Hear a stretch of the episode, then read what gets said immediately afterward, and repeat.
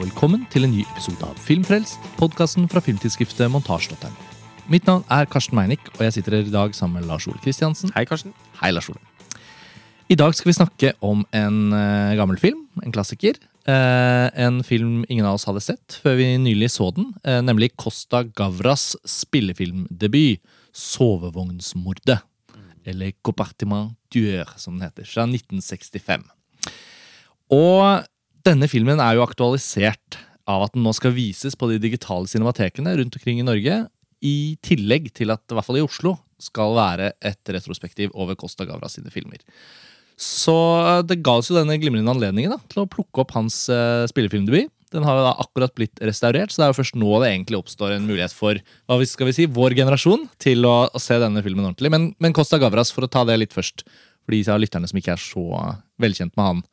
Hvordan skal vi plassere Costa Gavras? Han er jo da i utgangspunktet en gresk eh, filmskaper, som, men som tok sin filmskoleutdanning i Frankrike, og som har bodd og eh, arbeidet hovedsakelig i Frankrike. Han har vært innom Hollywood eh, i et, eh, et, par runder også. Men eh, man må vel tross alt kunne si at han er en fransk filmskaper. Mm. Og han eh, er jo da på ingen måte da mest kjent for sin debutfilm, men han laget jo et par filmer som fikk såpass mye anerkjennelse at de står som litt sånn ikoner i en viss periode av Ja, for jeg tenkte Når du sa at 'Sovevognsmordene' er en klassiker, så var det kanskje litt å ta i. Det er vel mer en kultfilm? Ja, jeg, jeg ga den den. Ja, uh, Som kanskje uh, den i forbindelse med restaureringen uh, framover kan bli oppdaget av flere, og kanskje på sikt bli en slags klassiker. Men det er vel tross alt en film ikke så veldig mange er kjent med. Det er jo gjerne Sett og Missing man pleier å liksom, Det er de viktigste referansene, da, når ja. det er snakk om Costa Gavras. Det er de to filmene som vel høstet aller størst eller tyngst internasjonal anerkjennelse. Eh, Sett eh, var jo nominert til flere Oscar. Det var jo et litt sånn parasittaktig tilfelle, mm. hvor eh, Costa Gavras ble nominert for eh, regi. Eh, og vel også manus. Eh, og filmen vant Oscar for beste klipping. Mm. Og beste ikke-engelskspråklige film. Ja. Og så ble han ble også Missing nominert til Oscar for beste film og vant uh, for beste manus. Så Costa Gavras har en, en Oscar. Mm. Og så vant han Gullpalmen i Cannes. Ja. Så særlig de to. Og når vi sier Z, hvis noen skulle være i tvil, så er det da bokstaven Z som er tittelen her. Uh, det er jo en film jeg føler ganske mange, i hvert fall filminteresserte, har sett.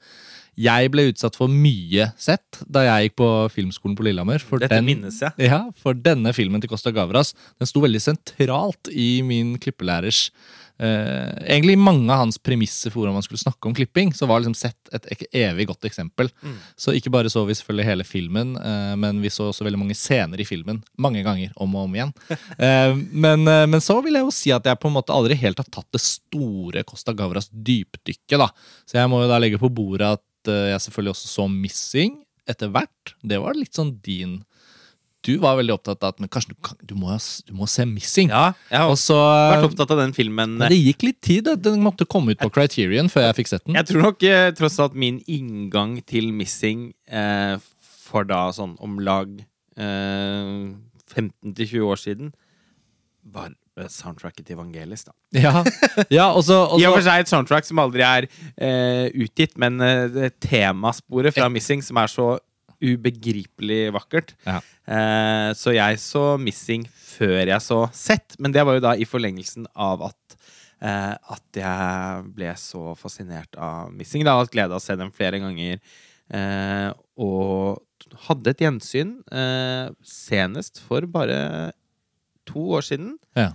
Eh, som var veldig sterkt. Altså, ja. den, den syns jeg Det veldig gripende film. Det er, litt, det er artig, for det er litt delte meninger om den filmen, faktisk. Og det mm. er litt Har jo historisk sett vært litt delte meninger om Costa Gavras også. De som er litt kritiske til ham, mener, vil påstå at han Uh, egen, at intrigene i filmene hans egentlig er ganske enkle. At han tyr lett eller for lett tyr til melodrama, mm. uh, og at uh, den politiske slagsiden, som, som er markant da, i filmene hans, egentlig mangler substans. Ja, jeg syns jo på en måte det hadde vært lettere å komme med sånne harde innspill rundt uh, Eller reflektere over det hvis jeg føler jeg hadde plukket opp mer av de filmene som har liksom levd litt sånn under radaren. da. Jeg tenker Hvis man har sett de aller mest berømte, som er jo litt sånn mitt tilfelle, så kjenner jeg jo litt at jeg syns de er utrolig bra. Og, Ja. Ja, ja, og, og inkludert den vi skal snakke om. Men, men eh, det, det jeg syns er gøy når jeg ser på Costa Gavras filmografien nå, er sånne ting som at videobutikkfilmen Mad City med Dustin Hoffman og John Travolta, som, den er jeg leide, ja, som jeg leide på video sent på 90-tallet. Litt sånn Travolta, Post Pop Fiction, Dustin Hoffman, en skuespiller jeg likte. Og det var en spennende film, det. Jeg husker den som god, jeg. Men når jeg nå retrospektivt mange år senere innser at å, det er Costa Gavras, liksom. Da, det er jo da man innser at han har hatt ganske mange sånne faser av karrieren hvor han liksom ikke har laget gullpalmevinner, da, for å si det på den måten. Ja. Eh, og derfor blir det jo litt sånn Men han, han kunne vært en interessant studie, nærmest. Um, og han lager jo fortsatt film! Det er jo Ja, så rørende. han Han, er 87 en- år gammel og churner ut filmer fortsatt. På 2000-tallet hadde han en liten sånn comeback-periode med Amen og Øksen og Mm. sånn. Og øh, den heter da også Øksen på norsk, tror jeg. Ja. Mm. Eh, og han lager fortsatt eh, film. Begge de to sånn, ble nominert til en del César-priser. Ja. sånn, den førstnevnte ble vant Tilbake til Fikk Frankrike. vel også noen priser. Uh, ja.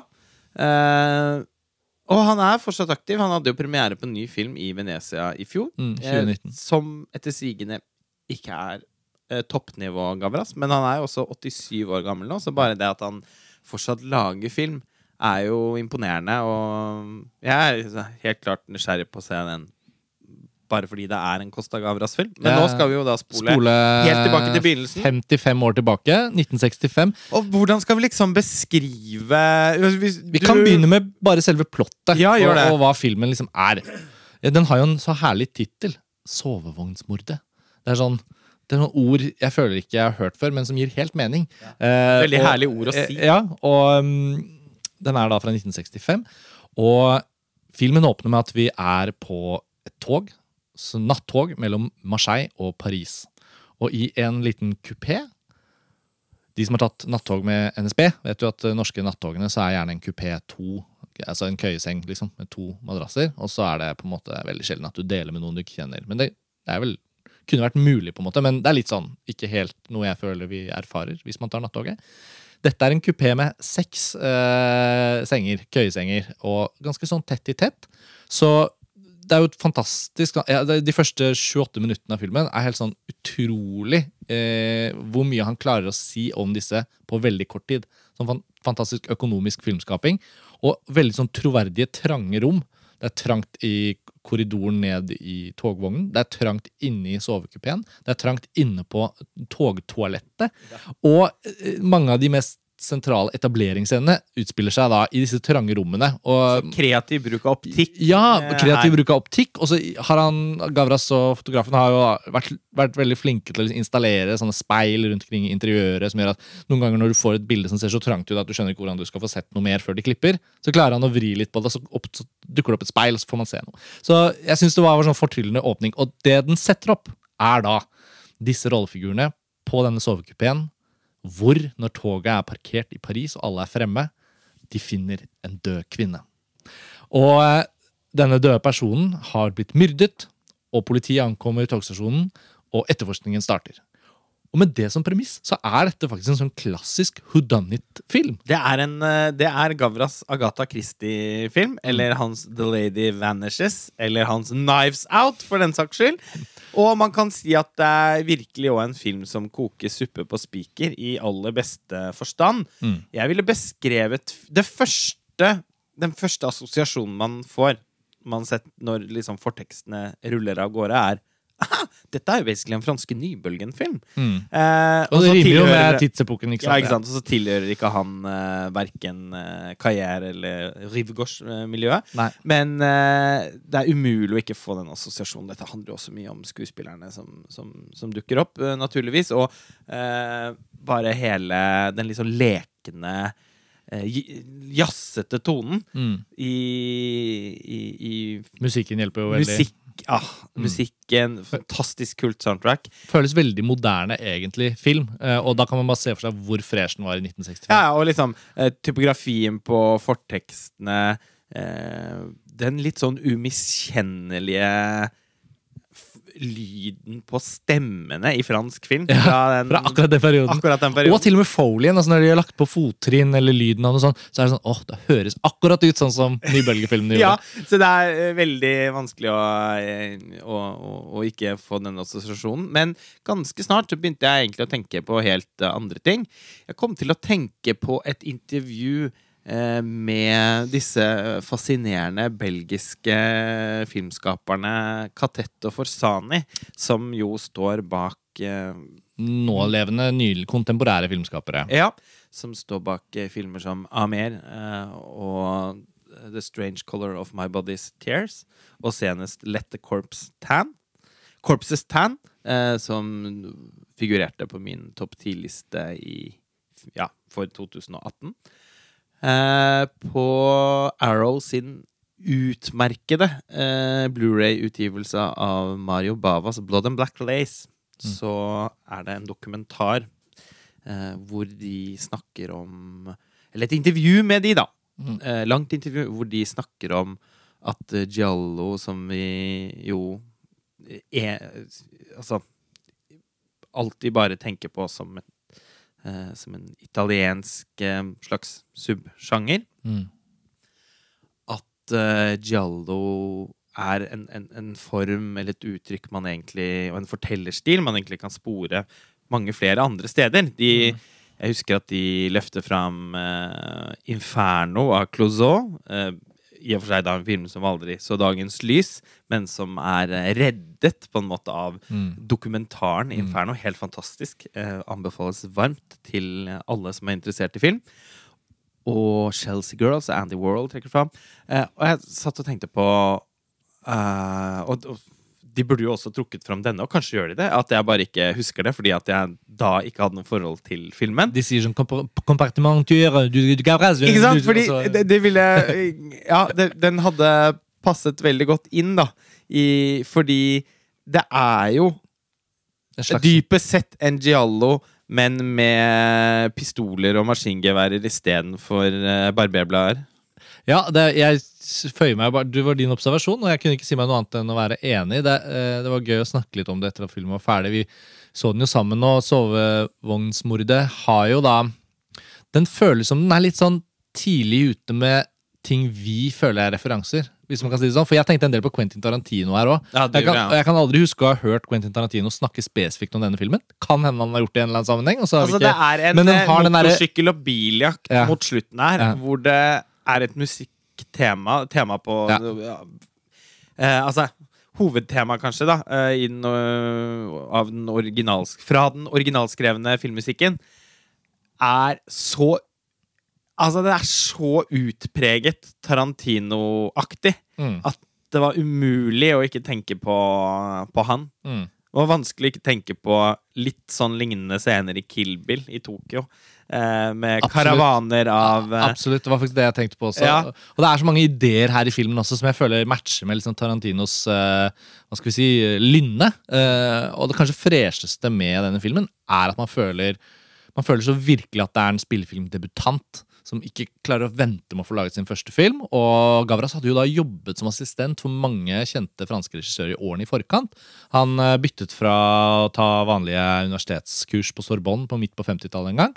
Og så begynte han på den franske filmskolen, nasjonalfilmskolen IDEC, og gikk vel ut av skolen sikkert rundt skiftet mellom 50- og 60-tallet. Og så slynges han inn i et arbeid som eh, regiassistent i flere år. Da får jo så mye erfaring, men tenk å være regiassistent i den perioden, hvor det ser ut som alle er i stand til å lage en utrolig film. Ja. Ikke sant? Nybølgen er én ting, og alt det andre det var jo på en måte så mange forskjellige bra ting som foregikk i fransk film på 60-tallet. ja, ja, ja, ja. Så, så når han nå endelig lager sovevognsmordet, så kan man liksom se i nesten hver eneste scene i klippet, energien i filmen, er så preget av noen som bare ikke kan vente med å lage film. Og det er altså noe jeg føler må kunne sammenlignes litt med Tarantino. da, at det, eh, ikke sant, Sekvenser i Reservoir Dogs minner den litt om tidvis. Og det er der litt enkle krimplottet som, som utnyttes til alt. Som du sa, den er kokt på en spiker, men på den beste måten. Så jeg bare, Det var en utrolig fresh og Altså, kul film. Jeg, jeg måtte uh, liret også av meg underveis at det er da litt sånn scorsese-aktig, dette her, og er det ikke det? Ja, men samme, Fordi- ja, nettopp. Og, og det er klart at uh, Litt Mean Streets innimellom. Uh... Definitivt. Mm. Taxi Driver også. Mm. Det, er, det er veldig mye artig linsebruk her. Masse bruk av vidvinkellinser og sånn. Det er veldig, mange, veldig mye bevegelse i kamera. Mm. Veldig sånn mange ordentlig sånn sexy klipp. mm. Som du, du, Ja, ja. du kjenner klippet i kroppen når du opplever det. Og akkurat idet jeg bemerket det Og filmen er jo da i, i, i svart-hvitt. Så, så oppsøker den ene av karakterene en boksekamp hvor det da er en som blir slått uh, av sin motstander i slow motion! Ja, Og da tenkte ja. jeg hm, Ja. jeg, var, jeg var ikke helt ute. Nei, nei. Nei, så det, da ble det et lite blaff av Raging Bull der òg. Og, det gjorde det. Og, ja. Men, men uh, hvis vi skal løfte fram noe Det er jo da en uh, Det er en morder ute og går, og etter hvert så begynner han å uh, henrette eh, de potensielle vitnene fra eh, sovevognen i Mm. toget. Eh, og de aller heftigste scenene i filmen det er jo rett og slett de, scen de henrettelsesscenene. Og det er jo her vi havner veldig i liksom giallo Ja. Det er særlig den første der. Hvordan skal vi beskrive den, Karsten? Det er noe av det kuleste jeg har sett For det første lenge. så så man den jo ikke komme. Eh, og, og en annen ting som, som Det er faktisk ikke en plottvending Nei, man forventer. nei det bare, men det er også såpass tidlig i filmen at det er ikke noe spoiler. Det er mye annet som skal skje i denne filmen, så det er ikke noe fare med det. Men det er veldig gøy å tenke på hva slags grep som kan sette publikum over på ett fokus, hvor man kan bringe en overraskelse inn fra venstre. Og her har de da veldig mye indre fortellerstemme på forskjellige rollefigurer. Apropos Costa Gavras liksom glede over å lage film. Han bruker masse virkemidler fra høyre og fra venstre. Jeg syns aldri det ble Um, noen av dem som skar med tonen i filmen. Uh, jeg tenkte kanskje den var, filmen hadde kanskje litt sånn vel mye å si i bilder og lyd samtidig. Altså, Noen er ganger. Definitivt over, overlesset, men på Men- en deilig måte. Ja. Det er, egentlig tenker jeg at det gjør at den har veldig sånn gjensynsverdi. Ja, helt, det, definitivt. Det tror jeg den kommer til å ha. Og jeg, og jeg likte hvordan da denne sekvensen vi skal til å beskrive nå, den er en helt annen type scene først. Så vi er inne i liksom hodet til denne rollefiguren, og, og han har noen refleksjoner om hvem han er, hva han har gjort, hva han tenker på. Helt, helt hans egen lille fortelling inni filmen. Og så, litt sånn ut av det blå, så står han Han vasker seg vel i ansiktet eller noe sånt. Nok en gang bruk av speil. Og i løpet av to bilder, to klipp, så skjønner vi at oi, han har blitt forfulgt, og her er det en morder. Og apropos giallo, altså, morderen her er jo da veldig sånn hemmeligholdt, men har jo da et kostyme, og har jo en fremtoning, og går i en sånn lærlakkfrakk. En lakkfrakk, ja. Lakkfrakk. Og, og når han da sniker opp en sånn pistol med, med lyddemper, så har Costa Gavras også uh, finessen til å da finne noen sånne, en serie nærbilder av liksom eh, løpet på pistolen nært tett. Med sånn sort rundt, det glinser litt av våpenet. eh, øynene til offeret som innser hva som er på vei til å skje. Tilbake til morderen. Ja. Fingeren på avtrykkeren. Masse sånne raske klipp. Og så i en sånn fantastisk sekvens så snur kameraet seg opp ned når da skuddene er avfyrt. Og det var bare så Helt og den kom så brått. Jeg sa, jeg, vi så den her i hjemmekinoen og måtte rett og slett uh, gå tilbake og se den en gang til. Ja, det var bare helt uh, sånn ekte filmskapingsmagi. Ja. Eh, og med en sånn En sånn, sånn åpenbar leken eh, Altså jeg, jeg satt jo rett og slett og tenkte på eh, Profondo Rosso til eh, Ja. Dario Argento. Da, apropos Giallo-filmer. Så den, eh, den assosiasjonen ble veldig sånn smidd Mm. eh, der. Og det er flere og, og det var faktisk kult, syns jeg, å se den type scener som vi på en måte Som, som horrorfilmen har lært oss til, at som oftest uh, involverer en form for kniv. Mm. Uh, det, det var noe litt sånn iskaldt, brutalt eh, virkelighetsnærmere, holdt jeg på å si. Mm, ja, ja, ja. Ved eh, de litt sånn kontante, lyddempede pistolskuddene. Mm. Eh, og også ved da et par tilfeller eh, maskingevær. eh, Ja, for det eskalerer jo. Eh, og eh, hele den politietterforskningen eh, virket ikke på meg som det som kom til å bli det mest spennende ved filmen i starten. Når de kommer og liksom samler spor og sånn ved toget. Men det er også fordi de liksom bryr seg ikke helt. Ja ja, en, en kvinne dør på toget. Vi får bare samle sammen og hente inn informasjon. og sånn. Så det er litt sånn gøy hvordan de er litt sånn tilforlatelige. Men etter hvert som hovedetterforskeren, spilt av Yves Montand, fantastiske skuespilleren som skulle vise seg å bli Costa Gavras faste samarbeidspartner. Spiller jo også i flere av de andre filmene. Han, eh, han har en veldig sånn lakonisk Han er jo den franske Humphrey Bogart, føler jeg. Og han har veldig sånn lakonisk fremtreden. Før han plutselig begynner å tenke at ok, vent litt. Vi ligger bak. altså Hvem nå enn det er som gjør dette, ligger langt foran oss.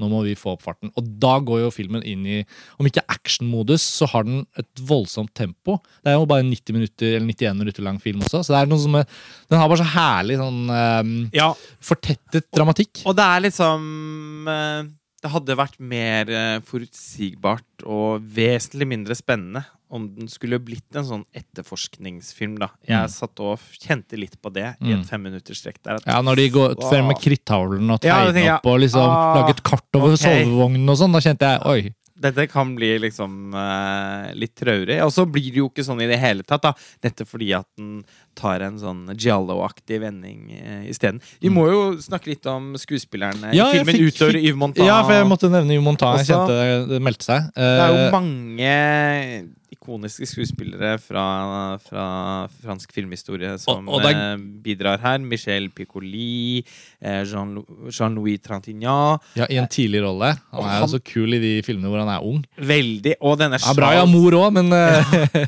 Charles Denner, ja. som, eh, som eh, mange av oss forbinder med, med eh, kanskje særlig 'Mannen som elsket kvinner' til eh, Truffaut. Han har også en av de mest sånn umiskjennelige stemmene. Altså, hvis jeg skulle valgt ut én eh, skuespillerstemme som var liksom lyden av fransk nybølge, på en måte, så, så er det hans uh, stemme. Ja, han er også i uh, The Bride War Black av Truffaut. En av de mennene der. Han dukker opp i mange filmer fra den perioden. Uh, Simon Signoret er jo en skuespiller mange forbinder med uh, Diabolik. Mm. Til, uh, eh, Henri Henri Georges Georges Clouzot. Det er sånn herlig navn å si. Ja. Eh, I det hele tatt så eh, bidrar alle disse ganske sånn altså, altså karismatiske skuespillerne til å gi filmen sjel. Ja. Altså, fordi eh, på tross av at den da forholder seg til noen sånn relativt skjema, altså oppskriftsmessige eh, sjangerelementer, Mm. så oppleves filmen likevel som veldig sånn eh, Ja, lite oppskrift. altså, men det mye, og det tror jeg en ting, Det handler selvfølgelig om Costa Gavras eh, sin eh, sånn overivrige, skjønne filmskaping, men også om skuespillerne. Ja, og det, det fine med rollebesetningen her er jo at det matcher sjangeren. Altså Det er der man også føler at det, det bærer ikke så mye preg av å være en debutfilm sånn i form av svakheter og sånn, fordi han har skjønt Han har skrevet manuset selv, basert på en bok, men Costa Gavras har skjønt at eh, jeg har eh, masse franske skuespillere å, å, å velge fra. Mange i denne generasjonen i denne epoken er på en måte veldig bra, men det handler jo også mye om å få de riktige typene inn i denne filmen. Jeg tror mye av filmen ville eh, slitt med å på en måte ha oss med hvis ikke typene var riktige. Og typene gir han også mulighet til å være økonomiske filmskaping, som vi snakket om. Så at inni togvognen der, inni sovevognen i løpet av de første par minuttene av filmen, så trenger du ikke se mange bilder av ett av de ansiktene før du skjønner omtrent hvem denne personen er. Nei, Og nettopp. jeg, og, men uten at det blir liksom karikert. Det er bare det at han har funnet skuespillere som på en eller annen måte har et sånn klassisk uttrykk for sin type, og så går de for det. Og eh, det var veldig vellykket, syns jeg. Og etter det så, så er vi jo liksom veldig mye mer med. Det er jo det med å I sånne typer film som dette her, så må man ha satt opp et interessant nok karaktergalleri til at når drapet skjer, så er vi som publikum med en gang sånn Ok, man begynner jo å tenke inn i hodet sitt Ja, men han ene der var jo litt sånn Jo, men da er det kanskje ikke han. Da er det jo heller Kanskje det er en av damene. ikke sant? Eller, og hvorfor skulle det være det? Og så begynner man å nøste, da. Så det er ikke bare bare å naile det. Og hvis det hadde vært øh, kanskje flinkere skuespillere som var døllere i utseendet sitt, så hadde ikke den vært så effektiv. Eh, men jeg syns ingen av dem gjør noen dårlige roller. Men det er bare det er bare noe med en Jeg føler filmen har lyktes veldig godt med den vanskelige balansen av alle elementene som skal treffe en veldig spesifikk tone. Og jeg tror det er derfor også det er så entusiastisk for deg. Eller, liksom, du blir, det er gøy å snakke om det at du spotter litt giallo der. Det er litt, Ja, ja. eh, Og filmskapere som kanskje ikke Som har laget film etter Costa Gavras. Men jeg vet ikke, det er bare det, det er en sånn film som jeg også tenker Det skal ikke så mye til før den liksom blir litt kjip. da Og jeg sa det på årslistepodkasten at jeg, var ikke så voldsomt opptatt av den Knives Out til Ryan Johnson. Eh, bare for å trekke inn det mest eh, nylige eksempelet på sånne whodunits. da, som vi snakket om. Og problem, Noe av problemet mitt med Knives Out var jo litt at han gjør det samme. Veldig typete figurer som man blir litt sånn nysgjerrig på. Og så er det eh, en som er død, og så er det hva har skjedd. Men ganske tidlig i det manuset tar han seg friheten til å liksom vise oss hva som har skjedd. Og så skal det være interessant for oss rent eh, mellommenneskelig og dramatisk å henge med disse rollefigurene. Og det kjente jeg at ja, men det er det jo ikke. Nå er jeg jo ikke nysgjerrig på dette lenger. Og Gavras i sin film skjønner jo på en måte at mye av moroa her må jo være at, liksom, at han ligger hele tiden foran oss. da. Og det er da dette med at uh, morderen også skal begynne å plukke ned alle disse vitnene. Så det blir mange flere mord. Um, Så kan man jo også si at Det det. Ryan Johnson prøver litt på i Knives Out, er jo også en slags dekonstruksjon, da. ja, Og du fikk jo ikke vært med på årslistepodkasten, så nå får du anledningen Ja. til å si to Nei, nei, ord jeg om Knives Out. Har ikke så mye å si om den utover at jeg syns det, det var en veldig underholdende film med et par ordentlig bra skuespillerprestasjoner. Anna de Armas var vel Særlig henne, da. Ja, Hun var utrolig bra. imponerer meg mer og mer. Nå Men blir jo hun superstjerne i 2020. det gjør hun, med Bond og, Mm. og ja, flere andre filmer hun er involvert i også, som vi gleder oss til. Men eh, det er Man kan jo si at Knives Out også da med liksom eh, Den eh, Altså, den skal nå ut til et veldig bredt publikum, Ja. og har på en måte ikke et snev av noe kult Nei. eh, ved seg. Den er litt mer eh, Gjennomprodusert, velpolert sånn. velpolert. Ja. Mm. Eh, mens eh, Gavras eh, sin film har jo Altså, det er, den er Pulp Fiction. Og Sjangeren, ikke filmen, på en måte. Ja. Ja. Og du Castingen, måten skuespillerne tolker eh, rollene sine på, eh, den Ja, som vi har vært innom, litt sånn, sånn glupske filmskapingen. Mm. Alt det bidrar til å eh, gjøre at filmen, selv om den egentlig da er ganske sånn oppskriftsmessig nær sagt en eh, sånn variasjon over noe Agatha Christie Mm, mm. eh, over et Agatha Christie-premiss, likevel oppleves eh, som en litt sånn ellevill eh, A wild ride. Ja. Filmen ble jo restaurert i 2016, så den har vært tilgjengelig en stund. Men det er jo veldig eh, kult valg av uh, en film å hente inn til de norske cinematekene. Det er liksom ikke en sikker vinner à la Casablanca eller, eh, eller Life's Wonderful for You. Altså sånn, det er mange fine sånne hjørnesteiner i, i norske cinematekenes programmering, men akkurat denne her føles veldig sånn frisk og inn fra siden. Helt klart. Altså It's a wonderful life i all ære. Men noen ganger så tenker jeg jo at, at de klassikerne man nær sagt vet at så å si alle aktuelle cinematekpublikummere har sett eh, fra før av. Mm. Og kanskje lengter etter å se på det store lerretet en gang Mm, til. mm, og enda en gang. Men eh, det er jo programmering à la dette her som virkelig Som, som, som gjør eh, de digitale cinematekene til et helt unikt eh, tilbud. Ja. Og filmen er fantastisk vakkert eh, restaurert. Ja. Eh, det er virkelig grundig arbeid. Så det er jo De tar det, tar det på alvor der nede i Frankrike. Det Det er jo så herlig å se. Um, så da vet dere det. Filmen er tilgjengelig. Jeg har aldri hatt en bedre Nei. anledning til å Og- se Costa Gavras debutfilm. Ja, og fordi Det er mulig det er flere av cinematekene som har noen av de andre Gavras-filmene òg. Det må dere sjekke opp. Men vi vet at Cinemateket i Oslo i hvert fall har en serie. Så da går det for Hvis noen av lytterne ikke har sett, sett og, og Missing og sånn, så er det jo selvfølgelig bare å løpe til Cinemateket nå i løpet av mars og april. Og nå har jo den eh, State, eh, State of Siege Mm. Ja, og de- The Confession har jo Criterion eh, utgitt for ikke Mm. så altfor lenge siden. Nei. Dessverre bare på DVD, Mm. ikke på, på Blu-ray ja. Missing ble heller aldri utgitt på Blue av Criterion. Kun Nei. DVD, en eller annen merkelig årsak. Men den er nå gitt ut også i en meget vakkert restaurert utgave av eh, den britiske eh, distributøren Indicator. Ja. Så Den har jeg sett. Det er limited edition, er det ikke det? jo, Ja. den sikret jeg meg raskt. Ja, det gjorde du vel. Det varmt. Og for dere av lytterne da som ikke har sett uh, Missing uh, Fortsatt min Costa Eller hørt favoritt. Missing. Eller hørt lyden av, av Vangelis sine syntakkorder i Missing, så er det en varm anbefaling og en fin inngang til, eh, til Costa Gavras. Mm. Som jo tross alt kanskje er mer repres... Eller altså helt klart er mer representativ for eh, Costa Gavras eh, som autør Ja. enn eh, det sovevognsmordet er. For en del av autørskapet hans som ikke vi da har kommet inn på, ikke skal inn på nå, det er jo det at han etter hvert veldig raskt ble en veldig politisk filmskaper. Og 'Sovevognsmordet' er da egentlig en litt sånn frittstående film sånn sett, som, som først og fremst introduserer ham som filmskaper, ikke så mye som politisk eh, stemme. Men det får bli en annen podkast. Eh, takk for denne gang. Takk for at dere hører på Filmfrelst. Lars Ole, nå er det snart vår, så da kommer det litt sånn andre type episoder. Vi har jo lagt Berlinalen bak oss.